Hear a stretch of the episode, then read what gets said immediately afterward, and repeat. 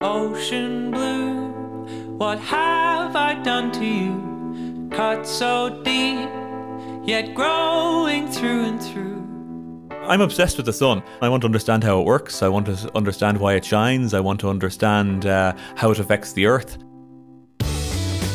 My name is Peter Gallagher. I'm a uh, solar physicist at Trinity College Dublin.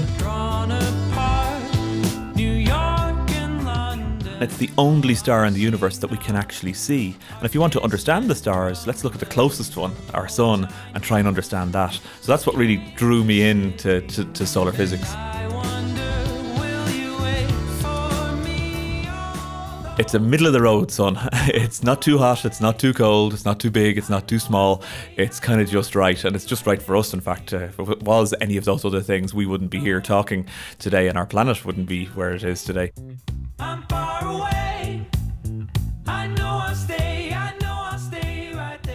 It just so happens that the sun is a lovely laboratory for testing physics, and you can test really extreme physics on the sun. So, as a physicist, I can go out there, and there's already a laboratory there where I can understand physics in an extreme environment, which is the sun, which is this burning ball of gas. The sun is basically hydrogen. You know, it's not solid. You can't walk on the surface of the sun. It's a gas. And it's a gas of hydrogen, which is the lightest element that there is out there. And actually, in fact, most of the universe is made up of, of hydrogen gas. And all of that hydrogen comes from the Big Bang, you know, 15 billion years ago. And there's so much hydrogen gas that it's all pushing together, and gravity is pulling it together. And it squashes the hydrogen so much together that it fuses and that releases energy, nuclear energy that makes the sun shine. So it's nuclear energy that you're lying on the beach.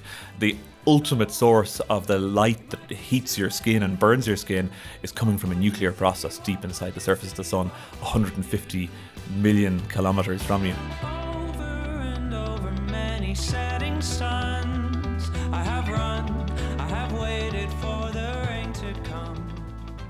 We're made out of carbon and oxygen and hydrogen, of course. The carbon and the oxygen and the nitrogen that makes up our world, the silicon, all of those elements come from the cores of stars. They were burned up in an original population of stars that then exploded and seeded space with all these other particles that then went on to make planets.